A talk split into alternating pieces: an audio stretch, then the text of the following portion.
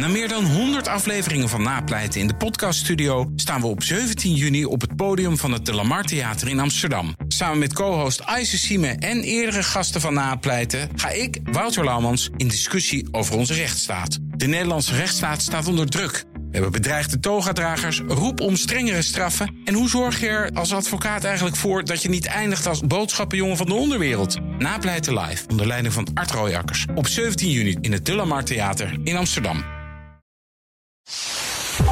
Welkom bij de Technoloog. Nummer 193, Herbert, welkom. Hey Ben. Hallo. We gaan het hebben over eh, pijlen. We gaan peilen. We gaan pijlen. Ja. Uh, en uh, wie brengen we daarvoor mee? Jelke Bethlehem. Hartelijk welkom. Goedemiddag. Bijzonder hoogleraar in de survey-methodologie. In het bijzonder met behulp van het internet. En dat vinden wij natuurlijk interessant. Want ja, zeker. Het peilen is echt wel veranderd de laatste jaren. Maar we gaan het, als ik me niet vergis, zelfs over eeuwen hebben. Ja, we, we zijn voorbereid. We kregen een, een Word-document en ook een boek.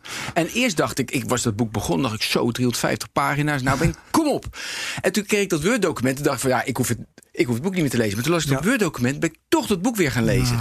Dus ik vond het echt, die voorbereiding... Het was te gek. Ja, het, ja.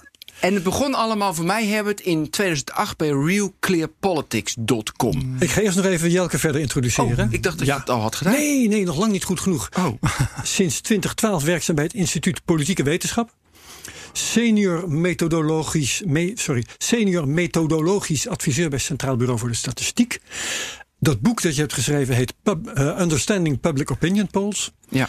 En de reden dat we hierover uh, beginnen is um, het feit dat nu in het kader van de Amerikaanse verkiezingen steeds weer met uh, peilingen wordt gezwaaid. Terwijl ik dacht, hoe goed is dat ook weer afgelopen vier jaar geleden? Ja. Toen won Trump in weerwil van weet ik hoeveel voorspellingen dat hij niet zou winnen. Uh, en nu worden er weer doodleuk al die polls geciteerd. Zijn ze dan zoveel beter geworden? Niemand maakt daar woorden aan vuil. Wilden we eigenlijk meer over weten. Er is natuurlijk ja. altijd wel een partij die uh, slecht is voorspeld. In de Nederlandse verkiezingen bijvoorbeeld. Hè, de Partij van de Arbeid, laatste verkiezingen. Um, enfin, noem, noem alle voorbeelden maar op. Wat is er de laatste tijd verbeterd aan het peilen? En wat kan er nog verbeterd worden? Daar willen we ja. het eigenlijk over hebben. Ja. Nou, nou niks. Niks, is dat maar goed? ja, zijn we. we hoeven niks te nou, veranderen. Uh, er is wel wat verbeterd, maar dat zit hem niet zozeer in de methoden, maar in de informatie die je gebruikt om je cijfers te berekenen. Ja. Je, je hebt tegenwoordig wel wat meer cijfers tot je beschikking, waardoor ja. je beter uh, dingen kunt doen. En ook wel in de pretentie waarmee je Als ik dan meteen maar mag storten op uh, de vorige verkiezingen in Amerika. Waar het daar misging is dat je mensen had die alleen high school hadden. Dus zeg maar middelbare school. Ja. En je had mensen die hadden college en die hogere opleiding. En wat er toen gebeurde is dat het, de bevolking zich echt in twee delen splitste. De high school mensen gingen op Trump stemmen en, uh, en de college, college, mensen gingen op uh, Clinton, uh, Hillary Clinton stemmen toen. En die, ze gingen ook allemaal echt stemmen. En vooral de, de high school mensen deden vorige keren nooit mee met de verkiezingen. Dat vonden ze allemaal maar niks. Maar nu gingen ze ineens op Trump stemmen. En daar was niet op gerekend. Er zaten te veel van die high school mensen daardoor. En dat hadden die pijlers van tevoren niet bedacht? Dat ze oh, toch nee, dat hebben ze nooit gezien, uh, dat dat uh, gebeurde. En nu weten ze het wel natuurlijk. Ja, maar komt en nu kunnen ze er ook voor corrigeren. Want nu vragen ze gewoon iedereen in de peiling... heb je high school of heb je uh, ja. college? En dan kunnen ze zien of bepaalde groepen oververtegenwoordigd zijn. Ja, maar dat is dus het interessante. Want misschien is het wel leuk, Herbert, in dat Word-documentje... waar ik naar refereerde. Weet je, beginnen we, beginnen we het is helemaal... gaan naar de geschiedenis. Ik vind het leuk in de klassieke oudheid. Ja, hè? da, ik vind dat we dat ook moeten doen ja. gewoon. Maar nog even voordat we naar de klassieke oudheid gaan... Kijk, nu halen ze dus die high school of die college eruit. Maar de volgende stap, weet je, over vier jaar, of dit, dus dit jaar, zullen ze weer een andere floor hebben. Want ja, zoveel ja, beter precies. wordt het dus niet. Nou dus... ja, je krijgt wel meer informatie steeds. Dus het zal iets beter worden. Maar er kan echt volgende keer wel weer iets anders ja. uh, Nee, want natuurlijk verbeteren. Want dat vind ik het leuke van jouw boek, Jelke. Um, dat je helemaal schetst. Uh, te beginnen ergens in uh, de 19e eeuw, in dat geval. Uh, wat, hoe er is gepeild en wat er misging. En hoe het dan een volgende keer weer beter. Dus het is echt wel een hele reeks van verbeteringen. Ja, er is een hele ontwikkeling geweest. Hè? Want de eerste peilingen, dat waren uh, armtierige peilingen, zal ik maar zeggen. beginnen moeten we niet al te lang bij stilstaan, maar die klassieke oudheid. Hè? Nou, eigenlijk begint het in het jaar nul. Hè? Het jaar nul. Het begint, staat vertel. niet in mijn document. Maar nee, toen werd de eerste peiling gehouden door keizer Augustus. En toen moest iedereen naar Bethlehem. En ja, dat is Bethlehem, maar niet Dat stond wel in je boek hoor. Maar dat is dan zonder steekproeven. Ja, ja dat is, ja, gewoon een volkstelling. Was ja, dat. volkstelling. Ja, dus een integrale steekproef zou je kunnen zeggen. Ja, ja, Maar goed, dat is niet helemaal echt. Dus als je nou, nee, dat ging ook niet over meningen van mensen. Of... Nee, dat ging over feiten. Maar goed, je mag natuurlijk ook naar feiten vragen in peilingen. Uh, dat is ook waar, dat is ook toegestaan. ja, en, en dat extrapoleren is natuurlijk wel. Want dat vond ik wel, weet je, je haalt een paar keer haal je de hou je Don Quixote aan. Beetje by a sample we may judge the whole piece. En dat doe je natuurlijk ook als je gewoon mensen stelt. Ja. En... Maar dan, uh, ja, wat ik daarbij zeg dan, als je een pan soep maakt en je wil weten of die lekker is, dan neem je gewoon één hapje. Ja. De steekproef eruit. Ja, dat vind ik een en bij, in, uh, bij de volkstelling, dan eet je gewoon toch in één keer de hele pan soep leeg. Ja, oké, maar in, de, de, in, je, in jouw docu was de eerste was in 1824. Ja, dat de schijnt echt de eerste opiniepol te zijn. Ja. Ja, wat, ging goed, wat ging daar fout? Da daar uh, ging het in zoverre fout dat men niet wist hoe je een goede steekproef moest trekken. Dus die ja. krantenjongens uh, gingen gewoon op straat staan en die spraken mensen aan. Wat gaat u stemmen? Ik bedoel, stel dat jij hier voor de deur mensen gaat aanspreken. Op zichzelf was dat natuurlijk een grensverleggend idee. Het idee was wel heel goed, alleen het ja. was niet goed uitgewerkt omdat die mensen geen ja. verstand hadden van peilingen en statistieken en zo. En het is uh, later nog wel meer fout gegaan. Er hadden zelfs nog heel onlangs een, een klein probleempje in New York met het coronavirus gedoe. Toen wilde mm -hmm. de gouverneur Cuomo uh, weten hoeveel mensen uh, antistoffen in hun bloed hadden. Dus dan wilden ze in een peiling aan mensen vragen of ze even wat bloed wilden afgeven. Zodat uh, dat konden meten bij die mensen in de steekproef. Maar dan is dus de vraag, hoe is die steekproef getrokken? En in dit geval was dat ook gewoon op straat. Ze hadden namelijk mensen benaderd die bij groentewinkels in New York stonden. En dan kun je afvragen of klanten van groentewinkels in New ja. York nou representatief zijn ja. voor iedereen in New York. Ik ben geneigd te denken van niet. Hoe kom je op het idee om speciaal in groentewinkels? Nou, er staan lekker altijd mensen uh, te wachten. die kan je dan, kunnen ja. geen kant op, want die staan daar met die uh, bloemkolen. ja. maar dat is best wel apart. Want heel veel mensen, weet je, wij snappen gelijk van ja, dat is niet zo handig. Want nee. we weten allemaal, het, weet je, het zijn meer zwarte Amerikanen met overgewicht die meer geraakt uh, weet je, werden, worden. Uh, dus groentewinkel die kopen minder groenten, want het is te duur voor ze. Weet je, ja. Wat hier nog meer was, al die mensen die thuis in een quarantaine zaten, die zaten ja, ook dus niet erbij. Ook niet in. ja, ja maar, dat is toch apart dat ze daar dan toch mee komen? Nou ja, dat is dus de, de makke soms van peilingen. Dat peilingen worden opgezet en uitgevoerd door mensen die eigenlijk geen verstand van zaken hebben. Die dit ja. gewoon heel intuïtief doen. Ja. Zo heb ik over peilingen van mijn buurtcomité gezien. En, en dan, ja dan zien ze dat soort dingen overhoop. Het begrip representatieve steekproef of mm. aselecte steekproef, uh, dat is niet doorgedrongen. Maar je kunt tegenwoordig heel erg makkelijk een peiling doen. Hè? Je gaat met naar het internet. Ja, je typt, jongens. Je typt, uh, wat typ je in? De Survey Monkey. Ja, ja. En je kan gewoon zelf wat vragen intypen. Ja. En, of in Twitter. En stel je even gauw een vraagje. En dan ja, heb ik, je antwoord. Ik vul altijd precies het tegenovergestelde in. Dat vind ik grappig. Ja, het slaat nergens op. Nou begrijp ik waarom al die pijlen verkeerd uitkomt. ja, ik denk, dat, dat doet toch heel... Je gaat toch niet serieus iets invullen? Dat, ah, ja. Maar ja, waarom zou je dat doen? Ja, dat vraag ik me ook. Ja. Vaak, vaak vul ik iets in, maar dan volkomen willekeurig. Het bovenste bijvoorbeeld. Ja, omdat je dan de uitkomsten zien Ja, precies. Ja. Maar ik vul wel altijd... Als ik een poll zie, doe altijd mee. Oh, nee, ik niet. Oh, ik altijd. Maar er zijn heel wat polls waar je mee kan doen. Hoor. Ja, als ik hem zie, hè.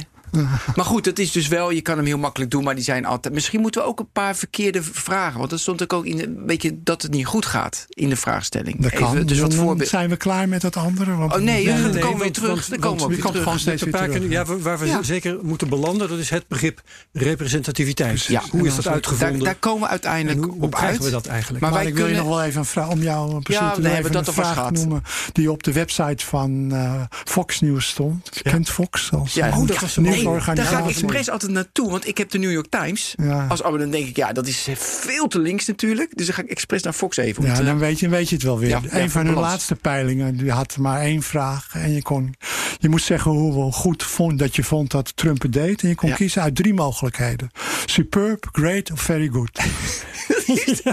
er staat dus niet bij van wie bad of lousy. Wie neemt dit serieus? Nou, uh, Trump-stemmers. Want dit is natuurlijk de website waar. Uh, ja.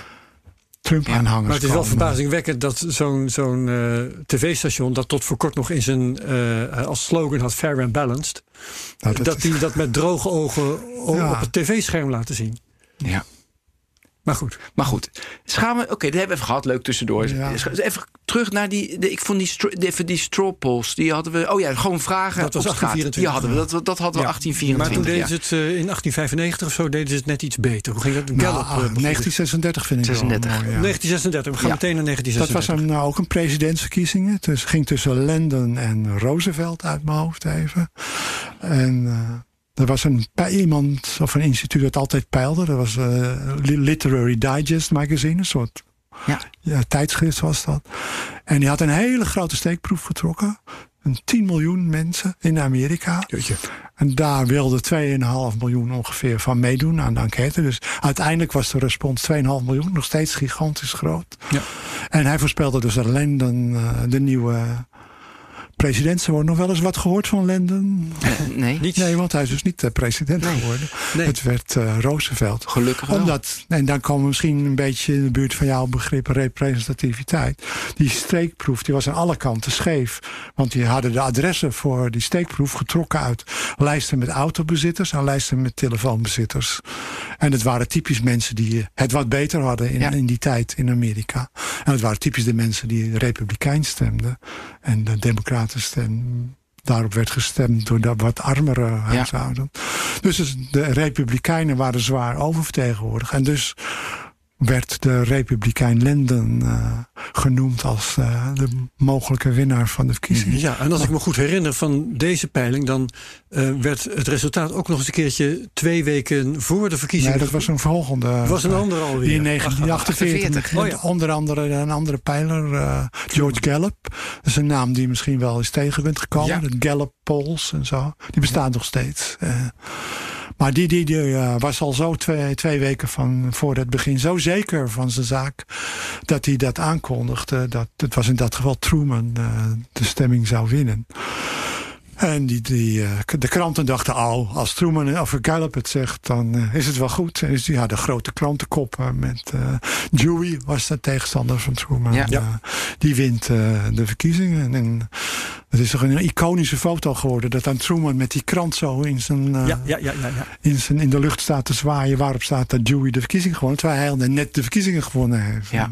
Maar dat was ook een geval waarin de steekproef onvoldoende representatief was de enquêteurs kregen wel opdracht om bepaalde groepjes mensen bij elkaar te zoeken. Bijvoorbeeld uh, zeven arme vrouwen op het platteland en acht rijke heren in de stad. Zo moesten ze al die mhm. groepjes vullen met voldoende mensen. Maar uiteindelijk mochten die enquêteurs zelf kiezen wie ze in die groepjes stopten. Dus zij hadden de controle, een soort subjectieve controle over wie er uh, in kwam. En dat ging dus ook weer fout. Ook weer te veel republikeinen daarin. En waren ze toen wel bewust van dat het representatief moest zijn? Of hadden ze, dat hadden ze toen nou, die, toch wel uh, door? Die George uh, Gallup, die had het wel door. Wel door. En, daarom probeerde hij dat zo, ook zo op deze manier te doen, die ik net beschreef. Maar die enquêteurs waren te lui of die Ja, maar je moet er gewoon niet zorgen dat enquêteurs kunnen kiezen. Kunnen. Dus eigenlijk dus maar één manier overgebleven om dat te doen. Inderdaad gewoon te loten. Dan laat je het aan toeval over. En er wordt niemand bevoordeeld, wordt niemand benadeeld. Iedereen heeft dezelfde kans om in de steekproef te komen. En dan krijg je een eerlijke, nou, zeg maar representatieve steekproef. Maar dit illustreert wel een, een uh, probleem dat altijd aan pijlen verbonden is. Dat is namelijk dat je niet peilt op het moment dat er gestemd moet worden. En je peilt niet in het stemhokje. Nee, het, is, het blijft een dat peiling. kun je nooit veranderen. Een peiling is een peiling en het is niet een verkiezingsdag. Nee. En mensen voelen zich toch uh, misschien wat uh, minder uh, zwaar belast om de juiste antwoorden te geven op de vragen. Ja. En, wat je zegt, het is altijd voor de verkiezingen dat er gepeild wordt. Dat kan heel erg lang voor de verkiezingen zijn. Je hebt nu al al die tientallen peilingen voor de Amerikaanse verkiezingen. Maar de vraag is of dat überhaupt maar iets zegt. Want er kan nog zoveel gebeuren in die periode. Dat, uh, ja.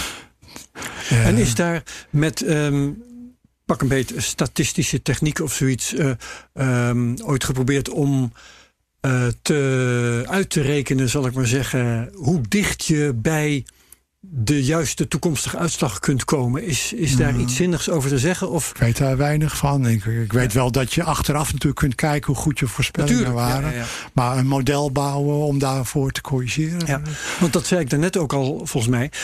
Um, bij elke verkiezingen is er wel een partij waar, waarbij iedereen ernaast zat. Dat zou kunnen, ja. ja. Dat gebeurt heel vaak. ja. Nou ja, bij Wilders hebben we natuurlijk heel vaak dat mensen niet durven te zeggen in de peiling dat ze op Wilders gaan stemmen. Want dan denken ze, ja, dat is ja, niet. Maar er zijn meerdere. Je had het al straks over de verkiezingen van 2012, was dat geloof ik. Ja, dat Toen ja. was zich ineens de SP met Emil Roemer de grootste partij, of bijna de grootste partij. Ja. Samen SP met de VVD waren. En dus, iedereen had het al over premier Roemer en zo. En toen was er een verkiezingsdebat, een paar dagen voor de mhm. verkiezingen in Carré. En daarin ging uh, heel, uh, Emiel Roemer helemaal door de vloer. Die presteerde heel erg slecht tijdens dat debat. En toen kelderden zijn uh, cijfers. Ja. En er werd helemaal geen premier van Nederland. Dus die voorspelling van een, een week eerder of zo, die sloeg eigenlijk nergens meer. Maar nu is het toch ook verboden. Nee, op de, op de dag zelf mogen, weet je, mag je niet zeggen, die is aan het winnen, toch? Voor, voor negen uur. Dus je mogen wel gewoon peilingen houden, maar niet... Nou, volgens mij wordt in dat soort peilingen niet echt gedaan. Uh, ik heb dat wel eens geprobeerd. Ik heb er al eens over gepraat met de kiesraad. ja. Dat hebben ze toch liever niet. Dat je door de verkiezingen heen fietst. Wat er wel gebeurt is zijn uh, exit polls. Ja. Dat, is, dat is dus iets waarbij je bij de stembureaus gaat staan. En als mensen net gestemd hebben, dan grijp je bij de kladden en zegt doe nog een keer je stem op dit blaadje. En dan herhalen ze. En dan weet je natuurlijk ook al dat die mensen gestemd hebben. Want ze komen uit het stembureau. Dus die, die, onzekerheid heb je niet meer. En die exit polls, als je dus een heleboel stembureaus en een heleboel mensen in stembureaus hebt, daar kun je hele goede uitspraken mee doen. Kijk maar naar de Ipsos. Uh, maar dat beïnvloedt natuurlijk ook weer de uitslag. Als dat, als dat om vier uur bekend wordt en je mag tot negen uur stemmen, de beïnvloedt exit polls beïnvloedt weer de mensen die vanaf vier uur gaan stemmen. Ik moet zeggen dat ik uh, in mijn kleine dorpje Huizerswouden ook wel eens exit polls gedaan hebben. En dan hielden we om vier uur s middags op met stemmen en dan berekenden we de uitslag. En dan hadden we dus al vrijwel dezelfde uitslag als aan het eind van de avond. Want zo hard verandert dat op een gegeven ogenblik niet meer. Ja. En uh, dan konden wij dus uh, stiekem al uh, bekijken wat de uitslag van de verkiezingen was. maar het was niet de bedoeling dat je dat bekend maakte. Nee. Terwijl er nog een heleboel mensen moeten stemmen. En jij zegt, nou de PvdA ligt voor. En dan gaan die andere mensen misschien juist ook PvdA stemmen. Die nog ja. moeten stemmen. Die na hun werk naar dat stembureau Stemmen gaan. graag op de winnaar. um, dat, dat begrip representativiteit, je hebt er al wat van gezegd. Maar vat nou eens samen. Hoe kom je tot een representatieve steekproef? Nou, eerst moet ik dan vertellen wat representatief is. Want iedereen ja. praat altijd over representatief. En geeft daar een andere uitleg Lijkt aan. zo vanzelf te spreken, maar... Nou ja, ik zeg, het is pas representatief als het de steekproef representatief is. Met betrekking tot elk kenmerk dat je meet in, in je steekproef. Dus de verhouding man-vrouw moet kloppen. De leeftijdsopbouw moet kloppen. De percentages hoog en laag opgeleide moeten kloppen. Enzovoort. Zo ga je door. Verdeling over het land moet kloppen. Platteland, grote stad. Als dat allemaal klopt, dan heb je een representatieve steekproef. Alleen dat is niet te doen om iets te maken wat representatief is met betrekking tot alles en iedereen. Nee. En dus trek je een aanselecte steekproef. Dan wordt niemand bevoordeeld of benadeeld. En dan krijg je iets wat bij benadering representatief is. Er zit natuurlijk altijd een beetje ruis in. Omdat je ja. maar duizend mensen hebt in plaats van 17 miljoen. Mm -hmm. Maar dat ligt allemaal heel dicht bij de werkelijkheid in de buurt. Maar wat is nou een techniek om te komen tot een aselecte steekproef? Want um, ja, uh, we hebben net de voorbeelden gezien. Mensen gaan bij groentewinkels. Wat zeg je? Dobbelsteen. Do nee, je, nee, nee. Want, want hoe kun je de uitslag van een dobbelsteen vertalen in het kiezen van een persoon? Ja, nee, dat doe je ook niet met een dobbelsteen. Maar bijvoorbeeld uh, als het CBS, Centraal Bureau voor de Statistiek, een steekproef trekt. Die hebben een lijst van alle Nederlanders met naam en adres. Okay, en ja. die maken een computeralgoritmetje. Zeggen, doe mij uh, duizend willekeurige records uit dit bestand. En dan, dan heb je je A-selecte steekproef. En is duizend voldoende? Uh, als het goed netjes A-select getrokken is, dan ja, wat is voldoende? Als je het heel erg nauwkeurig wil weten, dan moet je misschien 2000 trekken. Maar je weet dus dat als je er duizend trekt, dat je er nooit meer dan 3% naast kan zitten. Dat is de vuistregel die je kan. Oké. Als je Ja, tevreden precies. bent over een afwijking van 3 procentpunten, dan, eh, Ja. dan, Ja. eh, dan kan dat heel goed met duizend. En het is toch een wonder dat je op basis van duizend waarnemingen iets over Maar drie- 17 Ja. miljoen mensen kunt Ja. zeggen. Dat is een Dat is een statistisch wonder wonder. van de statistiek en Ja. de kansrekening. Dus dat is het, want er wa- was inderdaad mijn vraag, maar dan zit je de 3% zit je ernaast. Zijn ze Hooguit. Je kan Ja. dus, dat heet dan de onzekerheidsmarge. Ja. Dus als je ziet dat eh 20% op de PVV stemt, dan zeg je nou in werkelijkheid is het tussen de 17 en de 23 procent. Dan tel je die marge er weer op en je trekt hem eraf en dan krijg je zo. eh. Ja. En dat zou ook eigenlijk altijd bij peilinguitslagen erbij moeten staan, die marge. Want het, je, Ja. je uitslag van je peiling is natuurlijk nooit exact gelijk Ja. aan wat er in de En dat wordt nooit gedaan. En zijn, Nou, is, wordt het wel eens gedaan? je moet goed opletten. Ja. Ik heb een plaatje van CNN. We hebben het toch over de Amerikaanse verkiezingen? Ja, hoofdzakelijk wel. Geloof ik. Nee, we- maar soms kijken we stiekem ook naar het Nederlands hoor. Dat Wij is ook interessant. CNN. En dan is, daar zie je dat Biden op 55% staat en eh, Trump op 41%. Maar er staat dus een heel klein, hele klein lettertje hier Oh, ja, aan de zijkant. De error margin 3,6 procent. Punt. Ja. Margin van 3,6%. Oké, dus, Dus dan weet je dat je ja. bij die percentages die marge moet optrekken. Ja, maar toch- optellen dan wel aftrekken. Dit, dit, dit- dat, dat lijkt dan alsof die verkiezingszegen zeker is. Maar het is op dit moment. Hè? Ja, kan het blijft altijd over een twee momentopname. maanden weer helemaal Als er nu zijn. verkiezingen zouden worden Ja. gehouden. dan- Ja, wat je nooit kunt controleren. Ja, en dan Nee, heb je nog nee. de swing states. Dat vind ik ook zo Ja, essentieel die bij de kan je dus heel moeilijk eh, voorspellen.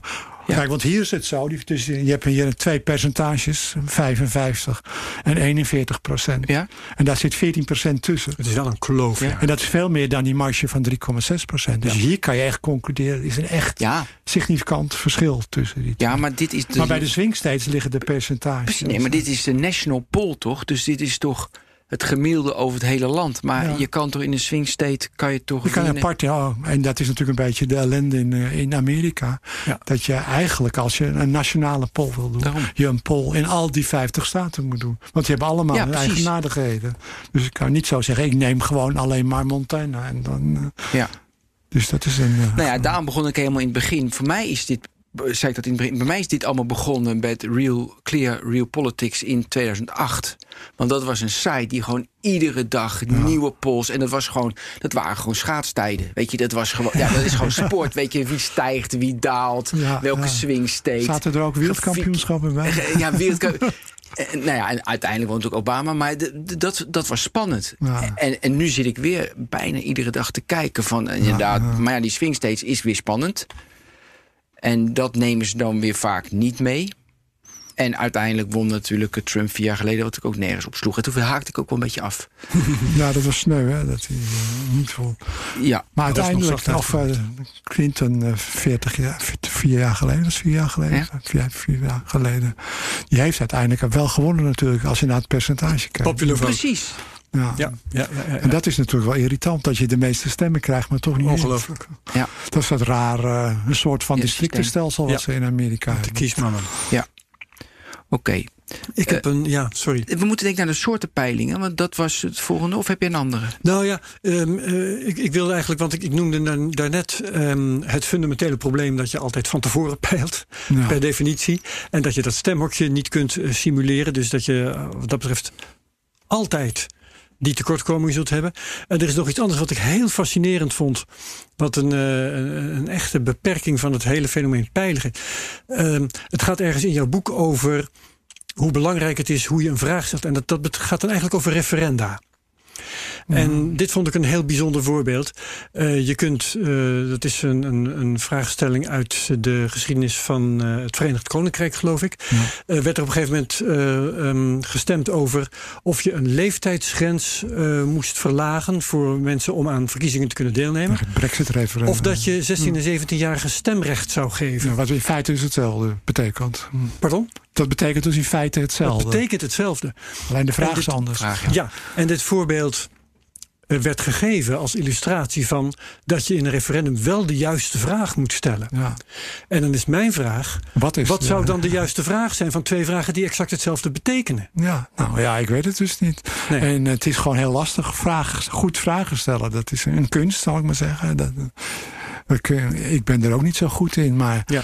als je de vraag maar even anders maakt, dan krijg je ook heel andere antwoorden. Een andere uitslag, ja. En sommige ehm, dictatoren bijvoorbeeld, die verstaan de kunst eh, van het stellen van de verkeerde vraag. En weten dan te Ja, er zijn we ook ken een voorbeeld uit een peiling van eh, Maurice de Hond. Waarin eh, gevraagd wordt eh, wat men van de EU vindt. Of eh, vindt dat de EU veel goed gebracht heeft voor Nederland. En in een andere enquête, ik geloof van het CBS, zegt dan meer dan 60% dat ze dat wel vinden. Ja. Dat de EU goed is. En dan in de enquête van de hond is het iets van 50% of zo. Het is veel lager. Maar dan zijn de vragen zelfs ook nog hetzelfde. Alleen de antwoorden zijn anders. En dan, toen zijn we dat gaan uitzoeken. En toen bleek dus dat de voorgaande vraag in de enquête van de hond was... wat vindt u allemaal niet goed aan de EU? Ja. Dus dan Ah, ze een lijst maken van de allemaal dingen die fout waren. En daarmee werden ze dus eigenlijk... eh, de respondenten negatief geframed, zou je kunnen zeggen. Ja, ja, ja. en gingen ze eh, veel negatief. Als je aan van die voorafgaande vraag maakt: wat vind je allemaal goed van de EU? Dan zou je 10% erboven zitten ja, in plaats van 10% eronder. Ja, maar dan krijg je het al oude verhaal. Heb je s'morgens eh, slecht gegeten of slecht geslapen? Ja, Eh, ik is dus- slecht weer of te heet? Wat, wat betreft opiniepeilingen, dat, er niet zo, dat je niet zo makkelijk kunt zeggen dat er één goede vraag is. Vragen zijn allerlei varianten die allemaal verschillende antwoorden opgeven. En als je diezelfde vraag 's ochtends of 's avonds eh, Ja. stelt, dat kan ook nog verschillende antwoorden opleveren. Nou ja, da- daarom heb ik ook, dat was een van de dingen die ik uit dat boek ook had gehaald, maar ik weet niet meer waar ik het nu had, is van, eh, kun je niet veel beter ge- uit gedrag van mensen afleiden wat ze gaan doen? Wat je op Je internet kan natuurlijk... mensen natuurlijk gaan observeren. Maar Ja. Het is een eh, ingewikkelde en dure klus en een tijdrovende klus. Ja. Ja. Dit is wat makkelijker Wat, wat mensen Ik zeggen. zeggen, doe even die enquête op internet. Ja, dat is natuurlijk snel. Ja, en Wat zou je moeten waarnemen om te komen tot de voorspelling Ja, van maar het was, meer ook een, het was meer een fantasie naar de toekomst toe. Ja. Nou ja, er zijn wel, wel allerlei dingetjes uithalen. Wat ik zelf wel een leuk voorbeeld vind, dat noem jij ook ergens volgens mij, is dat we een keer in een enquête iedere respondent niet één stem gegeven hebben, maar vijf stemmen. Ze kregen dus als het ware vijf muntjes. Ja. En ze mochten die vijf muntjes op Nee. één partij zetten. En daarmee gaven ze dus aan dat ze echt wel aanhanger van die partij waren. Bijvoorbeeld alle vijf muntjes naar de PvdA. Ja. Maar dan- je kon ook bijvoorbeeld drie naar de PvdA en twee naar GroenLinks. Ja. En dan kon je zien je dat een er twijfel, sprake van Ja. twijfel was tussen die partijen. Dus zo kun je meten hoe zeker mensen zijn over eh, de, de partij waarop ze gaan stemmen. Of- En wat jij denk ik bedoeld bent, met wat jij net zegt, eh, mensen observeren, eh, dat is dat, eh, dat heb ik wel eens ergens gelezen, dat eh, Google van veel van de mensen waar zij data over hebben, Precies. gewoon kan zeggen wat ze hoogstwaarschijnlijk zullen stemmen. Ik weet Ja. niet met welke mate van zekerheid, maar waarschijnlijk over een complete bevolking wel met een vrij grote mate van zekerheid. Ja, als je zeker weet dat mensen waar ze mee be- wa- wat Amazon zegt te kunnen, Wat wat, ze je kopen gaat de kopen, dan Nou weet ja, je ook was wat je gaat ook, eh, stemmen. dat, eh, hele- die hele affaire met, eh, hoe heette dat nou? Cambridge Analytica. Ja, Ja, Die zoveel data had over mensen. Dat ze een model konden bouwen waarmee ze konden voorspellen waar, waarop iemand stemde. Ja, En dan konden ze dus zeggen, deze meneer met dat voortuintje in die straat, die gaat SP stemmen. Ja. Dus dan wist je dat je daar als CDA naartoe moest gaan. Proberen die meneer om te Nou, turnen. en daarom, en nu gaan we even, ik moet straks weer terug, hoor, maar even ver, want ik dacht het Mhm. op het laatste doen. Maar dan ga je eigenlijk, nu probeer je wat mensen, eh, het gedacht, wat mensen zeggen. Mensen zeggen altijd wat anders dan dat ze doen. Eh, Facebook en Google, die weten, die kunnen dat manipuleren, weten precies wat kennen je ons doet. beter dan wij die onszelf kennen ons kennen. beter dan onszelf kennen. Dus eigenlijk de toekomst, dus die peilingen, is eigenlijk alleen maar de data straks vragen van Google. Niet vragen, want die krijg je niet. Ja, die krijg je wel, want, is, want het moet van de AVG. Maar je moet het eigenlijk uit gedrag halen. En dan kan je dus veel beter die peiling doen. Ik zou Kan wel. je die kun je veel simpeler doen. Dat je gewoon aan Google vraagt de verkiezingsuitslag aan te leveren. Nou ja, en ze kunnen ze ja, zo ja, ja. beïnvloeden, Die, die verkiezingen, dat ze zelfs kunnen zeggen: ook nog. we laten die partij of die persoon Nee, winnen. maar dat, ik kan hier een vraag aan jou uithalen, Jelke. Kan, kan Google of kan Facebook beter peilen dan, nou ja, Ipsos of Maurice de Hond uh, dat kunnen. kunnen we hun gewoon vragen, wat wordt de verkiezingsuitslag? Ik geloof dat niet. Ik heb ook daarvoor ook hele slechte voorbeelden van. Kom maar op. Dat gaat daar niet echt over peilingen, maar dat, uh, daar hadden ze uh, een model gebouwd in Google om, te, om het aantal griepgevallen in de winterperiode te oh voorspellen. Ja. En dat ging twee jaar goed. In het derde jaar zaten ze daar gewoon volledig naast omdat hun gegevens niet allerlei ontwikkelingen in de maatschappij uh, oppakten. Als je dus één jaar lang al die Google searches bijhoudt. Mm -hmm. Kijkt hoe vaak mensen griep intypen. Ja, die trends, ja. Of zo, ja, of, dan, ja. dan, gaat dat één of twee jaar goed. Maar uiteindelijk uh, was dat dus geen nette peiling. Maar gewoon uh, big data. Ja, maar met dat... een vieze smaak zou dat ja, ja, ja, ja. Nee, maar dat is toch, weet je, naar Google Trends kijken wat mensen intikken. Want dan zou je bijvoorbeeld ook de beurskoersen kunnen voorspellen. Dan zou je alles kunnen Ja, voorspellen, ja. wat, Ja. dus het gedrag. Ja. Maar die modellen die ze maken... Die, die zijn voor- niet hard genoeg. En die, want daarvoor dat geldt hetzelfde dat ze niet geldig blijven in de toekomst. Die zijn maar even geldig. Ja, maar als ze kunnen voorspellen wat je, gaat, wat je koopt... en als ze kunnen voorspellen ja, wat je dus... Maar als we dat vorig jaar hebben, hebben proberen te voorspellen, wat ik ga kopen. En nu zitten we ineens met corona. Ja, en mensen klopt. kopen. Nou, kloppen die modellen van geen kant. Eens. volgens mij. Dus het is ook van hoe dichtbij je bent. En, ja, en hoeveel de dingen veranderen. Maar denk jij niet dat dat verbeterd wordt en over 4, 5, 6, 7, 8 jaar dat we geen representatieve groep moeten hebben? Want dan weten Ik we. denk wel dat als je gewoon meer gegevens over mensen zou hebben, over hun koopgedrag en over hun gezondheid, dat je die eh, in, in peilingen zou, zou kunnen combineren met, met de dingen die je aan de mensen vraagt. En dan een meer onderbouwd model zou Ja. kunnen bouwen. Domweg omdat je meer geschikte informatie hebt. En zijn er mensen in jouw industrie daarmee bezig? Ja, in jouw vakgebied? Niet? Misschien in Amerika of zo. Dat, eh, misschien stiekem. Maar, Ja. Oké. Wat ik leuk vind om te bespreken is via welk medium, via welk kanaal peil je. Hè, want de exit poll is duidelijk. Je kunt langs de deuren gaan, dat is ook gedaan. Uh, straw poll eh, op straat. Ehm, je kunt telefonisch peilen, je kunt peilen via post. En de laatste tijd wordt natuurlijk veel gepeild via internet. Ja. Kun je eens in vogelvlucht vertellen wat de karakteristieken, de tekortkomingen of goede eigenschappen zijn van die verschillende kanalen? Nou, laat ik dan maar niet dat ik dan de straatenquêtes, maar de straatpeilingen maar overslaan. Want Ja. die zijn gewoon sowieso slecht. Daar hoeven we niet aan te beginnen. Maar dan is men in Amerika toch wel vrij snel overgegaan op telefonische peilingen. Mhm. En nu nog doen ze heel veel telefonische peilingen. Komen er wel steeds meer online peilingen op het internet. Ja. Maar ze doen al heel veel per telefoon. En het is misschien ook wel het handigste als je denkt dat Amerika een heel groot land is. En dat het eh, geen doen is om langs de deuren te gaan in Amerika. Allang al die staten. Dus het telefoonnummers is makkelijk. Alleen er is eh, van alles mis eh, met telefoons. Hoe kom je aan de steekproef van telefoonnummers? Mhm. Dan kan je zeggen, nou dan neem ik gewoon een telefoonboek. En denk dan even aan het Nederlands telefoonboek. Sta jij in het telefoonboek? Nee. Heb jij een vaste of een mobiele Ik telefoon? heb beide, want ik heb een alarm, dus er moet een vast Maar nummer. je staat niet in het telefoonboek. Hoe moet ik jou dan trekken in de, in de steekproef? En jij? Ik heb geen vast nummer. Vijf is er maar wel een mobiel nummer. Ja. En staat dat in het telefoonboek? Ik heb geen idee eigenlijk. Denk ik niet. Er staat bijna geen enkel Nee. mobiel nummer in het Nee. telefoonboek. Dus een telefoonboek kan je niet gebruiken. En, eh, omdat er te veel ontbreekt. En eh, wat er dan, dan wel veelal gedaan wordt, is iets dat heet random digit dialing. Dus eh, het Hmm. willekeurig draaien van cijfers. Dus wat er dan bijvoorbeeld gebeurt is, dan nemen ze een bestaand nummer. Ze nemen jouw nummer, halen de laatste twee cijfers eraf... en zetten daar twee willekeurige cijfers, geloten cijfers voor in de plaats. En dan krijg je een eh, ander telefoonnummer. En zo krijg je dus ook nummers die niet in de telefoon Mooi. staan. Ja, maar dan, goed, dan ga je mensen bellen... en die kijken op hun telefoon als het belletje open... en dan zie je onbekend nummer. Ja, doen. weg. Klik weg, ja, tuurlijk. Ja, en eh, de respons bij telefonische enquêtes is dus vreselijk laag. Dus van, de, van alle nummers die je probeert, heb je misschien maar zes, succes bij 9 à 10 procent. Dus 90 procent wil niet meedoen aan jouw enquête. En dat zijn natuurlijk heel andere mensen dan de mensen die wel willen meedoen. Dus Ja. dat leidt tot vertekeningen in, in je uitkomst.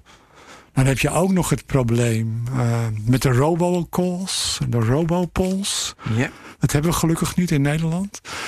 En die hebben ze dus computersystemen die automatisch mensen bellen. Zelf een telefoonnummer bedenken. Zelf bellen en dan mag je toets indrukken. Ja, toets, mooi hoor. Toets, nou helemaal niet mooi. Dat vind ik heel grappig. ja, dat is het wel. Maar uh, ja, dan zou je dus uh, veel minder moeite hoeven doen. Want die computer die Tuurlijk, draait wel, die gaat die maar draait door. Ja, ja, ja. En als mensen zeggen nee, nou dan lekker meteen het uh, Maar volgende. je krijgt alleen maar antwoord van mensen die echt niks beters te doen hebben. Maar goed, eh, de, in al zijn wijsheid heeft de federale overheid in Amerika gezegd... je mag geen robopols gebruiken voor eh, mobiele telefoons. Want als je in Amerika een gesprek beantwoordt op een mobiele telefoon... moet je daar ook voor betalen. Dat zijn kosten aan verbonden. Oh ja. Dus uh, die uh, machine staat te stampen. En ondertussen moeten al die mensen maar geld gaan betalen... voor nummers die ze helemaal niet willen hebben. En zo. Dus dat mag niet meer. En nu zit er dus een probleem in dat als je. Republikeinen hebben veel meer vaste telefoons. En uh, Democraten hebben veel meer mobiele telefoons. Want dat zijn allemaal van die prepaid phones voor andere arme mensen die geen abonnement hebben. Dus als je, als je uh, dit doet, dan, dan, moet je dus de mobiele telefoons eruit laten. En uh, dat was ook de reden dat Obama in bepaalde polls veel te laag werd ingeschat. Omdat die mobiele telefoons niet in de peilingen zaten. Mm. Dus uh, er zitten heel veel haken en ogen aan. Uh, maar goed, dat kunnen ze weer weet je, uithalen toch? Dus dat weet je dan. Dus weet je zoveel procent haal ik eruit. Ja, maar de 90 procent die je niet krijgt... dat zijn hele andere, zijn veel aardiger ja. mensen dan de 10 procent. Ik denk ook heet het aan die uh, Microsoft medie, uh, het medewerker uit India. Moet ik heet het aan denken. Die mij heet het belt. op, mijn vaste nummer. Terwijl ik een Mac maar je belt niet voor een peiling. Nee, maar dan moest ik aan denken. Mensen Ja, ja. die zo bellen van... Maar dan wordt in feite gewoon misbruik gemaakt van uh, de telefoon uh, in Ja, dit geval. ja. Dus je ziet dat afnemen, uh, telefoons. En in Nederland wordt eigenlijk niet, bijna niet telefonisch gepeild. Al of niet met robopols. Zo Nee. lang geleden En per verdwenen. post gebeurt ook al lang niet meer. Natuurlijk veel te traag. Wil niemand. Ja. Dus de telefoon En neemt de, af. en de allereerste begintijd, dat is nog wel een leuke anekdote. Toen uh, werden er ook al geen uh, schriftelijke enquêtes gehouden. Omdat er veel bureaus bang waren dat al die respondenten niet konden lezen. In die tijd waren nog ar arme mensen die geen onderwijs gehad hadden. Dus die konden niet aan de enquêtes mee. En het leverde ook weer een Maar ze mochten wel stemmen. Zeg je? Ze mochten wel stemmen. Ja, inderdaad. Maar ja, dan hoef je alleen maar te krassen. Nee, zeker. Maar ik bedoel, dat is dus een vertekenend effect als je Ja, die groep ja, uitsluit. ja. Ja, dan moet je, en je kunt natuurlijk overal voor corrigeren, Ben. eh, Maar pas als Ja. je weet in welke Ja. mate je een bepaalde groep eh, onderbedeelt in je steekproef. En dus je ziet wel een, uh, een trend uh, Nou, richting uh, online. Ja, In dat- Nederland is vrijwel alles online. Ja. En dan zie- als je naar de grote pijlers kijkt, eh, Ipsos, eh, Maurice de, Be- de Hond, eh, nou wat heb je nog meer? Nipo bestaat er. INO eh, Research. Die hebben allemaal. eh, het is ook een probleem, eh, dat moet ik misschien eerst even zeggen, met online peiling. Hoe dan heb je dus e-mailadressen van mensen nodig als je ze een vragenlijst Ja. wil sturen. Hoe kom je nou aan een steekproef van Ja. e-mailadressen? ja, het kan tegenwoordig ook Facebook of weet ik veel, Daar Twitter, gaan we het nog wel even over hebben. Oké. Dus je hebt eigenlijk geen eh, lijst met e-mailadressen waar je een steekproef uit zou kunnen betrekken. Nee. Dus wat doet bijvoorbeeld het CBS als ze een online steekproef doen? Dan eh, trekken ze eerst een steekproef uit het bevolkingsregister. Dan hebben ze namen en adressen. En die mensen sturen ze een brief met daarin een link naar de online steekproef. Ja. Dus die mensen moeten dan vervolgens eh, naar een zolderkamertje gaan, hun pc aanzetten. En, nou ja, enzovoort. Moeten ze een link intypen die, waarin ze weer fouten maken. Dan hou je helemaal maar is een heel gedoe dus. over of zo. Eh, Dus dat, eh, het is mooier als je dat rechtstreeks kan doen. En om van dat gedoe allemaal af te zijn. En dan komt eh, mijn grootste ergernis. Is dat dan mensen zelfselectie polls, peilingen gaan doen. Dus ze zetten de vragenlijst gewoon maar op internet. Mhm. En eh, wachten, wachten gewoon af wie er reageert. Maar dat doen serieuze bureaus toch niet? Ja, nou, ik, ik weet niet of je het langs hebt horen komen in de media. Namens Nederland. Doe mee aan de enquête. ja. eh, Ja, namens nee. Nou, dat is typisch daar het geval van. Dat is geen aanstekte steekproef. Maar dat neem je toch is niet serieus? Gewoon maar wie er reageert. En nog steeds hoor je dat langskomen in de reclame. Doe mee aan de peiling van eh, namens Nederland. ja, maar die hebben gewoon heel veel budget dan om... Ja, maar dat levert geen representatieve Nee, steekproef op. nee. Ja, tenzij je voor die zelfselectie kunt corrigeren. Nou, dat is heel moeilijk. Ja, dat Ja. Kun je, je kunt het wel proberen hoor. En dat zullen ze ook wel doen. Maar er zitten gewoon heleboel mensen niet in. En die krijgen er door corrigeren ook niet in. Je kunt het niet er iets erin wegen wat er niet ingezeten. Kijk, dat is op zich niet erg, want laat ze maar. Wat ik al zei, het is ja, geen... maar wat nou als, als straks Ja. beleidsbesluiten... Exact, dat bedoel ik. Het, mag, het mag geen serieuze organisatie. Als je dat als grapje leuk, joh, je hebt een idee. Maar je moet, niet, je moet het niet serieus nemen. Maar zijn de mensen daar voldoende van bewust dat je dat niet Nou ja, serieus moet nemen? niet. Dat is ik zie vraag. dat wel heel vaak eh, fout gaan. Eh, ik kan, tientallen voorbeelden noemen. De mooiste is misschien nog die van uit 2005 van de NS Publieksprijs. Misschien wel een beetje speels. Hoop dat je het niet erg vindt. Nee, vind ik fijn. Moeten de mensen dus kiezen uit een lijstje met boeken, boeken, ja. wat ze het beste boek van dat jaar vinden. En er was ook nog een open vraag. Als ze vonden dat een ander boek het beste boek was, dan moesten ze die dag gewoon intypen. Ja. En dan deden 90.000 mensen maar liefst aan mee. Aan die enquête. Dus dat is ontzettend veel. En 72% van die 90.000 koos voor de nieuwe Bijbelvertaling. En die won glansrijk eh, deze boekverkiezing. Dat klinkt alsof en die geen stond niet in het lijstje. Zo. Maar toen ze dat gingen uitzoeken, bleek dus dat eh, de EO en Trouw en Bijbelgenootschappen allemaal mensen hadden opgeroepen. Stem nou gewoon op de Bijbelvertaling. Maar dat kan dus, als je zelfselectie hebt, dan kan iedereen dus doen wat hij wil. Dat is een klassiek voorbeeld van het kapen van een internetverkiezing. Ja, Wat natuurlijk om de haven ik heb het ook een keer gezien bij het programma Vroege Vogels van jullie collega's van de VARA, BNN. Toen wilden ze weten of de luisteraars voor of tegen vuurwerk waren op uh, Oudejaarsavond. Ja. En het bleek dus dat het voor. overgrote meerderheid voor was. Echt waar? Want het bleek dus dat allerlei vuurwerkclubs Oh, die, enquête opgemerkt hadden. En volgens iedereen opgeroepen had gaan stemmen. Nou ja, maar ah, kijk, als je A-selecte steekproef Ja, trekt, dan kan dat niet gebeuren. Maar als je Ja. zelf selectie toestaat, dan... eh, Ja. ja, Maar, de, briljant. ja, briljant. Maar goed. ik heb het ook in mijn eigen woonplaats al van de Rijn meegemaakt. Toen ging het erom, moeten wel of niet de winkels open op zondag? En de politiek was het niet eens, dus een peiling. En eh er was ook een zelfselectiepeiling bij. En toen zag je dus dat op de kansel op zondag eh, de kerk Ja. in zeiden van... denk erom dat je tegen sluiting eh, stemt. En dus die kwamen veel te hoog uit, de tegenstanders. En die beslissing is dus genomen om niet open te gaan. Nee, daardoor. Dus, dat redden ze niet. Want het echte aantal tegenstanders is 22 procent. Door dat gedoe werd het 43 procent. Ja. Dus ze bleven net onder de 50 hangen. Ja. Maar er is wel een compromis gesloten. De winkels gingen een uur later open op zondag. Mooi Nou, kijk eens. Nee, maar het is dus wel zinnig om bewust te zijn dat, het, Ja, met dat je geen beleid voert. Dus Maar- altijd als jullie hier, slechte eh, peilingen. ik zal maar zeggen, een persbericht over een peiling binnenkrijgen. Dan moet je gewoon oppassen. Dat- Altijd wantrouwen. Gewoon, eh, en daarom eh, heb ik ooit een keer een eh, checklist van peilingen gemaakt. Ja. Precies. Zodat je die uit je hoofd kunt leren. En, eh, Ehm, ja, want eh, dat, dat doen we zo. Ik wil, eh, want ehm, de vraag is dus eigenlijk eh, hoe doe je het dan wel goed? Maar ehm, daar aan voorafgaand wil ik eigenlijk weten wie doet het goed. Kun jij een club noemen of een aantal clubs die dit nou gewoon onder de knie hebben? nou, via internet en dan zorgen dat de uitkomst eh, lijkt op wat werkelijk aan de hand Ik is. vind het moeilijk daar antwoord op te geven. Ik denk dat er wel een paar clubs zijn die redelijk in de buurt komen. En die heb ik ook wel genoemd. Zoals INO Research en Ipsos. En eh, nou, misschien nog hier en daar één. Eh, bij eh, Maurice de Hond wordt het al ietsje hachelijker. Je moet wel bedenken dat al die clubs... die werken allemaal met wat ze een, een webpanel noemen. Een online Ja. panel. Daar zitten mensen in die toegezegd hebben... om regelmatig vragenlijsten in te vullen. En het is dus voor hun dan heel makkelijk om even een mailtje naar die mensen te sturen. Van, Ja. Doe even deze Ja, peiling. maar dat is dan Maar dus een club waar je controle over hebt. Ja? Dus precies. stel jezelf En kun je ook nog corrigeren enzovoort.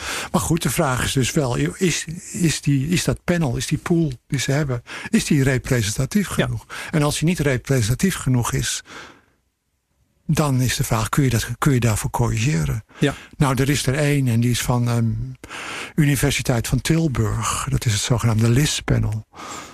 En die, eh, die hebben netjes de steekproef voor dat panel getrokken uit de bevolking samen met CBS. Dus dat is keurig aangelegde steekproef.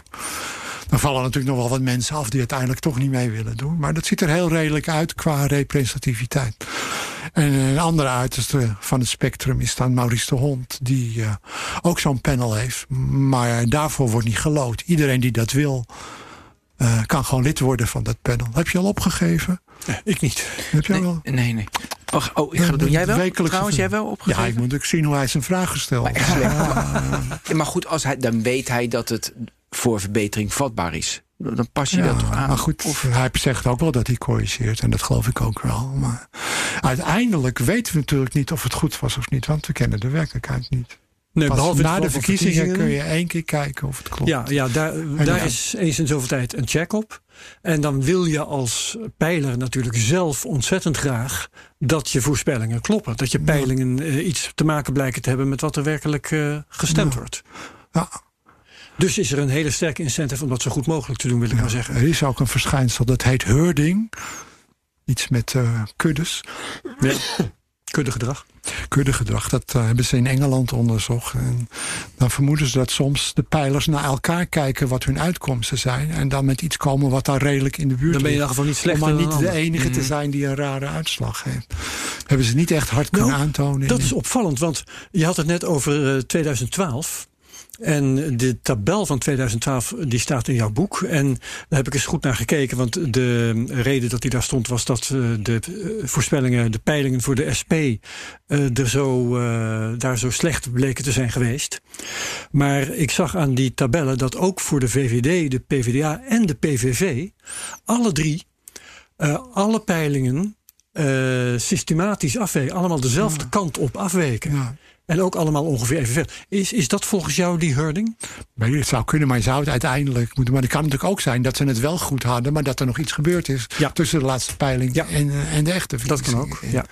He, zoals in geval van Emiel Roemer, waarin hij afging in een, in een debat. Ja, ja. En, maar dat is dan eigenlijk ook nog maar een aanname. Want het is niet ook nog eens een keertje onderzocht met een of andere enquête. Nee, of mensen inderdaad om die uitge reden. Uitgebreid onderzoek moeten doen. Ja. Wat dat betreft is de, het, de Engelse peilingen in 2015 waren zeer boeiend, moet ik zeggen. Uh, leg dat geval even uit. Toen waren er gewoon gemene parlementsverkiezingen. Ja. En alle, alle pijlers, alle pijlers, een stuk of twaalf, die voorspelden allemaal een nek-aan-nek race. Dat er bijna geen verschil oh was tussen Labour en conservatieven.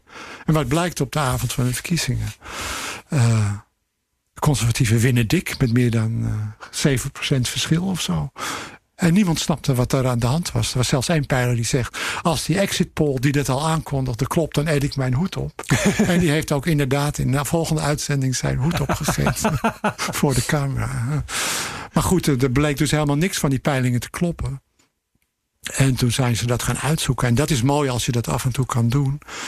Uh, ze hebben een, een, onderzoek helemaal opnieuw gedaan. Maar dan goed. Mm Hele uitgebreide steekproef. Alles met face-to-face. -face. Mensen keihard herhaald, benaderd. Goede vragen stelden.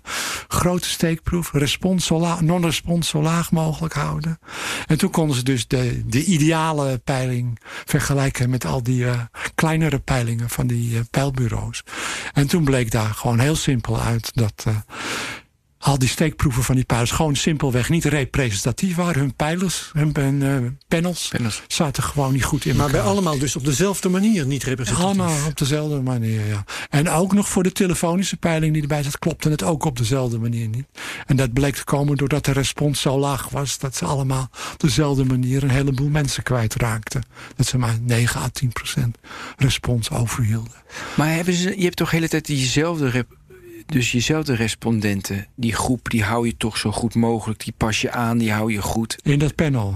Ja, in maar die moet je wel steeds verversen ja, precies, die Want na een paar keren zijn die mensen dat wel zat natuurlijk. En dan moet je dus... Of ze houden er gewoon mee op. Attrition eh, noemen ze dat. En dan moet je dus eigenlijk de zaak weer aanvullen, verversen met mensen die lijken op de mensen die zijn verdwenen. En dan wordt dan onvoldoende gedaan en dan heb je een slechte ja, Maar dat kan wel en dat moet ook eigenlijk. Dus dat is een goede opmerking. Maar eigenlijk is het best wel makkelijk allemaal. Weet je, je moet uh, dus je panel. Het is helemaal niet makkelijk. Nee, maar je moet de goede vragen stellen. Ja. Het moet, weet je, het, het, moet, het moet, het moet een goed panel zijn. En uh, die, weet je, die representatief is. Het is een, ja. uh, een vak hoor. Ja, maar de, ba de basiselementen, zeg maar een paar basiselementen. Goede vragen. Nou, wat mij betreft zijn er twee basiselementen. Het is de representativiteit van de steekproef. En hoe die eventueel aangepast kan worden. En hoe je daar dan eventueel nog van kan corrigeren. Ja. En de tweede is de vragenlijst. Precies. Want denk eens aan een vragenlijst voor een online enquête. Hebben we niet gehad. Er zijn dus geen enquêteurs. Die kunnen helpen, die kunnen uitleggen. Mhm. Dus je bent als respondent in je eentje achter die computer. Ben je gemotiveerd?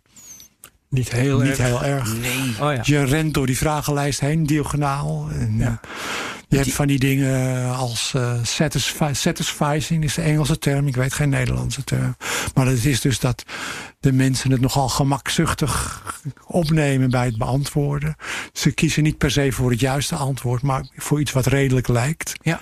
Ja. En als je dan uit een lijstje moet kiezen, dat heb je volgens mij ook ergens opgeschreven. Ja, welke- dan kiezen ze voor de eerste of de tweede mogelijkheid. Welke dan hoef je hele lijst niet door te gaan.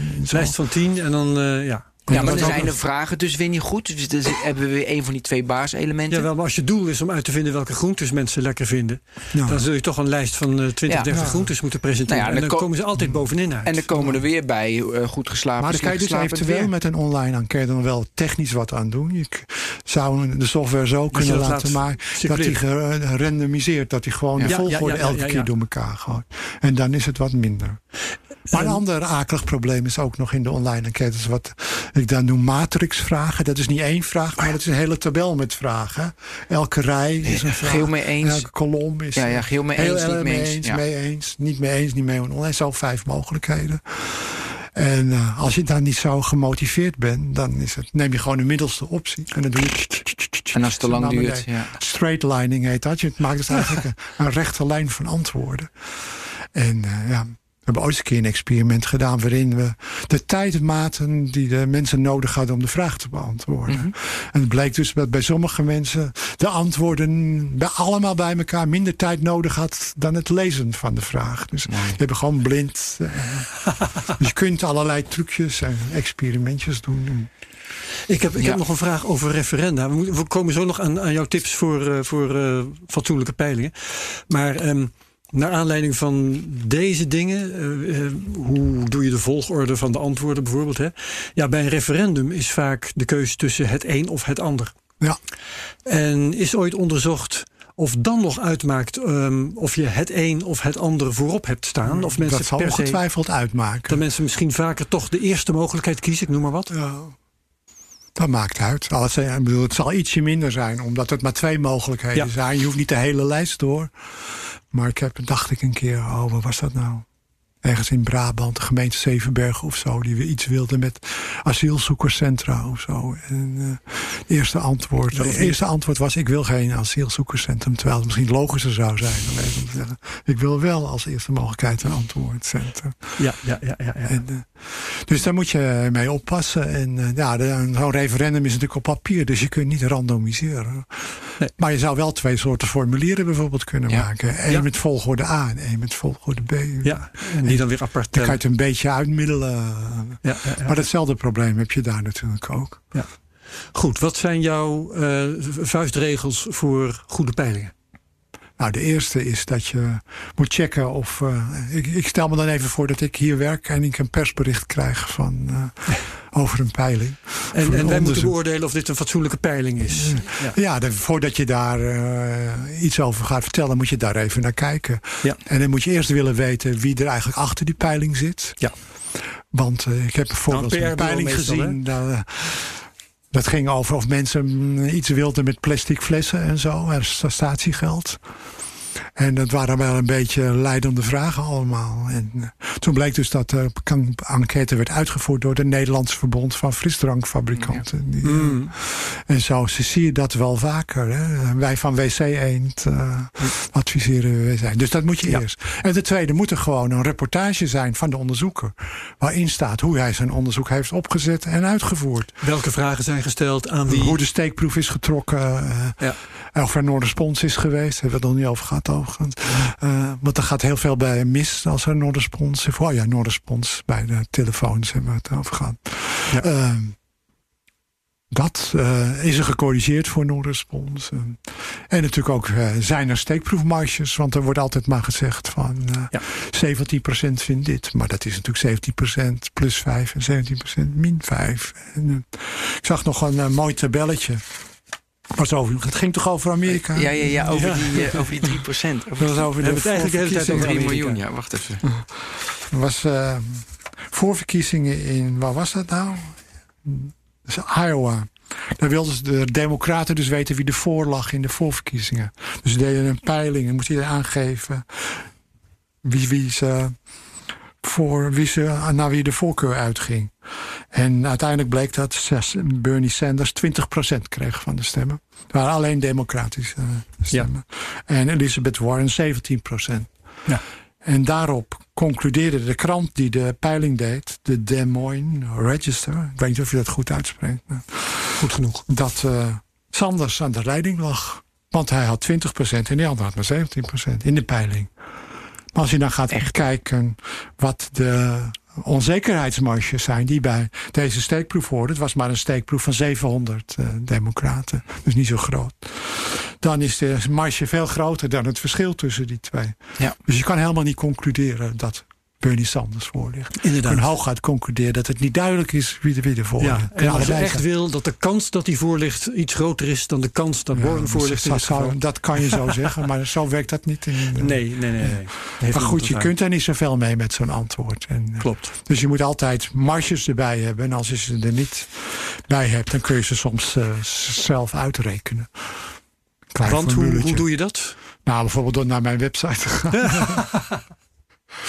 Oh ja, wat, uh, wat, wat nou, staat er? een website die heet uh, A-Select Steekproef of zo. Uh, maar het is gewoon, je kan hem ook in mijn boek vinden. Dat is gewoon uh, percentage maal 100 min percentage. Gedeeld door de steekproef. Omvang daar de wortel uit. En dat maal 2. En dan heb je de marge. Oké, okay, dat heb je het onthouden? Ik, ja, maar het staat ook op peilingpraktijken.nl. Daar is dat wel een link. Ja, ik, ja. ik doe een link in de show notes. Okay, maar goed, je, je, je, moet dus die marges erbij betrekken. Ja, zeker. Ja, ja, uiteraard. En kijken of die conclusies die door de onderzoekers getrokken worden wel geen, geen dat die, die, die, dat er ooit bij geeft, trouwens. Kan ik je vertellen met mijn nou, ervaring van pers. Ja, we hebben, hebben ik met samen met een aantal collega's hebben een soort guerrilla-oorlog gevoerd. Dat er marges erbij moet komen. Bijvoorbeeld bij de NOS.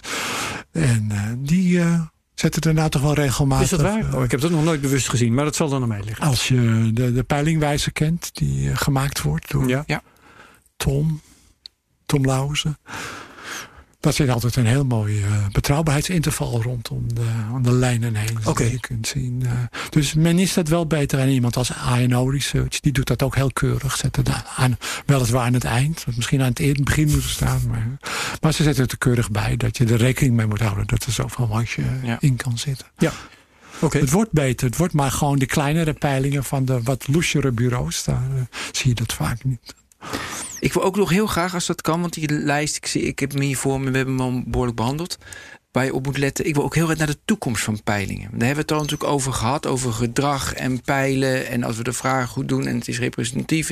Dus dat, maar wat eh, gaan we echt naar? We gaan naar een betere zekerheid toe, want we hebben de geschiedenis gehad. Hoe hoe ziet dat in de toekomst eruit? Nou, vind ik moeilijk om daar een antwoord op te geven. Ja, maar fantaseer even. Zolang er nog verkiezingen gehouden worden, zullen er nog peilingen op komen. Deze, op gewoon en ik zou graag uh, op internet wat meer data wij willen. Wat ik graag bijvoorbeeld zou willen is de beschikking hebben over het complete bevolkingsregister van Nederland. Ja. Daar staat voor iedereen uh, uh, naam en adres in. En achtergrond en herkomst en allemaal dat soort dingen. En dat zou ik dan graag willen koppen aan de inkomensgegevens van de Belastingdienst. Ja. En aan de sociaal-economische gegevens van de UWV. Ja. En dan uh, krijg je dus een heel groot bestand. Ja, ja, ja, ja. Privacy, Privacy maar, maar even je wens, even Als je ik wens. nou beloof dat... Nee, je belooft en je, op je, thuis op je servertje. Ja, maar je moet dus wel bedenken dat die bestanden die je dan gebruikt... die zijn echt wel anoniem in, in de zin van... er staan geen namen okay, en adressen meer in. Ja. Het zijn alleen maar statistische gegevens. En, en, en als je dat al die gegevens hebt, statistische gegevens... Dan, kan je, ja, dan kan je er representatief een groep eruit halen... Ja. En je maakt de perfecte vragen dan. En je kunt er daarna ook zien, als je een respons krijgt... welke groepen er ontbreken. Ja. En wie je mhm. eventueel nog bij kunt corrigeren. En zo. En, uh, dan kun je wel beter... Uh, krijgen. En, en dat corrigeren, daar is ook nog wel wat winst te behalen, denk ik. Uh, wat je doet, is je gebruikt zogenaamde hulpvariabelen... om te kijken of je steekproef wel overeenkomt mm -hmm. met je populaties. Klopt de verhouding man-vrouw, klopt ja, ja, ja. leeftijdsopbouw en zo. Maar dat werkt pas echt goed als je meer van dat soort variabelen hebt. En dan kun je diezelfde variabelen weer gebruiken die ik uh, zo graag van het CBS wil hebben. Ja. Dan kun je dus ook wegen. Kun je kijken of de inkomensverdeling goed is. Kun kijken of uh, sociale zekerheid goed verdeeld is. Enzovoort. En daar eventueel voor corrigeren. En ik denk dat je dan uh, wel redelijk goede peilingen kan krijgen. Maar ik ben niet zo enthousiast over uh, al dat gefrutsel met hele kleine bureautjes die geen goede panels hebben of zo. Of ja, en dat, mensen die ja. één vraag op Twitter zetten. Gruwel, oh gruwel. Ja? Want ja, wat moet je nou met één vraag op Twitter? Om te beginnen is het niet uh, representatief. Want het zijn alleen maar Twitter-gebruikers. En die mhm. Twitter-gebruikers zijn alleen maar internetgebruikers. Ja, Twitter-gebruikers die het nodig vinden om op zo'n vraag antwoord te geven. Ja, wat ook precies, een bepaald menstype is, zal ik maar zeggen. En je kunt ook niet corrigeren naar geslacht, want dat vraag je niet allemaal. Nee. Ja, maar dat is, weet je, je dacht vroeger dat een, een, een polletje dat dat, dat dat informatie is, maar het is gewoon entertainment. Op ja, Twitter nou, dat moet je dus heel goed beseffen. Dat, maar dat blijkt niet altijd. Uh, soms lijkt het net alsof het een serieuze poll is. Als het gewoon een spelletje is, nou, dan vind ik het verder best. Ja. Maar zou jij, want, want uh, je zegt net, ik zou graag, graag de beschikking hebben over die, dat bevolkingsregister en zo. Zou jij als wetenschapper ook inderdaad zelf willen peilen? Of zeg je dit om soms, soms doe ik dat zelf wel eens. We hebben met, met mijn afdeling van de universiteit hebben we vorig jaar bij de gemeenteraadsverkiezingen in Leiden een exit poll gedaan met een groep studenten om te kijken of we dat met een kleine groep goed konden doen. En wat deden jullie anders? Dan is nou, het dus het, We deden het vrij serieus. We hadden goede methoden om te schatten. En we hadden goede methoden om stembureaus te selecteren waar we wilden peilen. We gingen niet in elk stembureau, maar een selectie daarvan hadden we heel goed uitgezocht. Een beetje, dat zwakste punt was misschien dat de studenten die nog nooit gepeild hadden. En dan ineens mensen moesten aanspreken in stembureaus van uh, hier, stemmen, nog een keer. En, en uh, ja, dan gewoon een uur na afloop of dat na sluiting van de stembureaus de schattingen, prognoses breken, die dan inderdaad vlak bij de werkelijkheid in de buurt uh, ja. te liggen. Maar dan is dus um, jouw reden om te gaan peilen is niet om een peiling te doen en daarmee in de krant te komen en te kijken of. of, uh, of, of ja, nee, het gaat mij niet om de uitslag. Het gaat me meer om de methode. Precies, het gaat jou erom om te kijken of je met hoe weinig informatie je goed kunt peilen. Ik ben surveymethodoloog. Ik ben helemaal niet geïnteresseerd in de uitslag van. Nee, precies. was nou ik wel even leuk. er wel naar natuurlijk. Ja, ja. ja, um, dit ging dan over stembureaus en, en de uitslag van een bepaalde verkiezing. Uh, wat voor mij nieuw was, maar dat zegt misschien meer over mij dan over wat dan ook.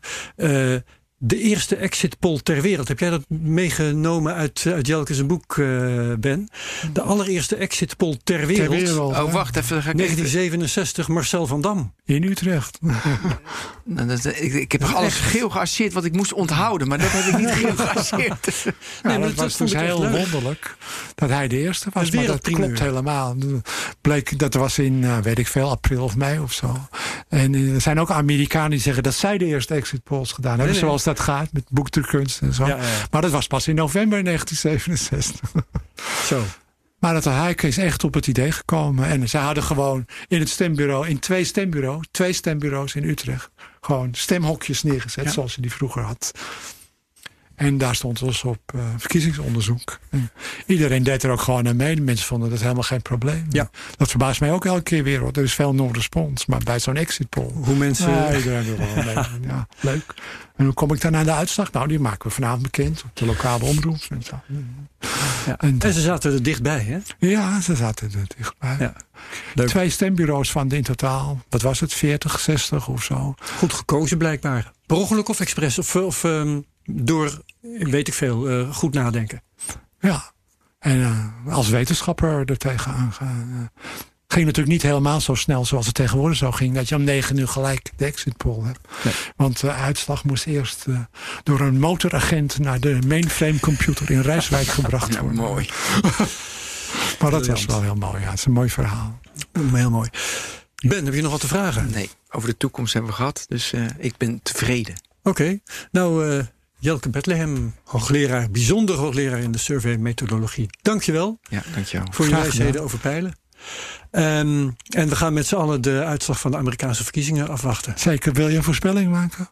Ja, het is een voorspelling. Ja, ik wil een voorspelling maken. Maar ja, ik ben bang dat de wens de vader van de gedachte is. Ik, weet dat de verschillen nu net zo groot zijn als de vorige keer tussen ja, Clinton ja, en... Ja, daar ben ik van doordrongen. En daarom, is... daarom wilde ik het gesprek ook voeren. Daarom hoop ik dat de peilingen nu beter zijn. Nou, ik hoop dat jullie heel kritisch naar al die peilingen kijken. Die dat deden we al. Het, is nu, het verschil is 7,5 landelijk. Weinig. Ja, dus ik had liever twaalf gehad. Heb jij nou ook al een politieke voorkeur? ja, dat zou zijn, mensen. Ja. Ja, oké. nee, eh, maar mijn ik zet mijn kaart op Biden. Oké. Ja. Ik denk dat die mevrouw uh, Harris er wel goed aan doet. Dat, zo. Ja. dat uh, denk en hoop ik ook. En jij? Ja, ook weer de wens van de gedachte natuurlijk. ja, maar ik ben beïnvloed door, ik denk niet kijk, door mijn krant die ik lees. Dus uh, dat is natuurlijk al, alleen maar Biden. Dus ik lees. Maar je hebt toch ook wel een onderbuikgevoel? Oh, wie? Nou, ik, nee, maar oh, ik ben echt zo bang. Zo ja. bang dat Trump het weer wordt. Dat ja, dat, dat gaat hele ernstige gevolgen. Vier ja. jaar is al erg. Dit, dit was al, is al heel erg wat er allemaal gebeurt. Maar dan is het helemaal ja. dramatisch. Goed. Nou, okay. daarmee besluiten we toch nog met een vrolijke noot. nou, heel erg. Dit was de technoloog 100, nummer 193. 193. Tot we horen iedereen graag terug bij nummer 194. Hoi, dus hoi. tot volgende week. Dag allemaal. Hoi,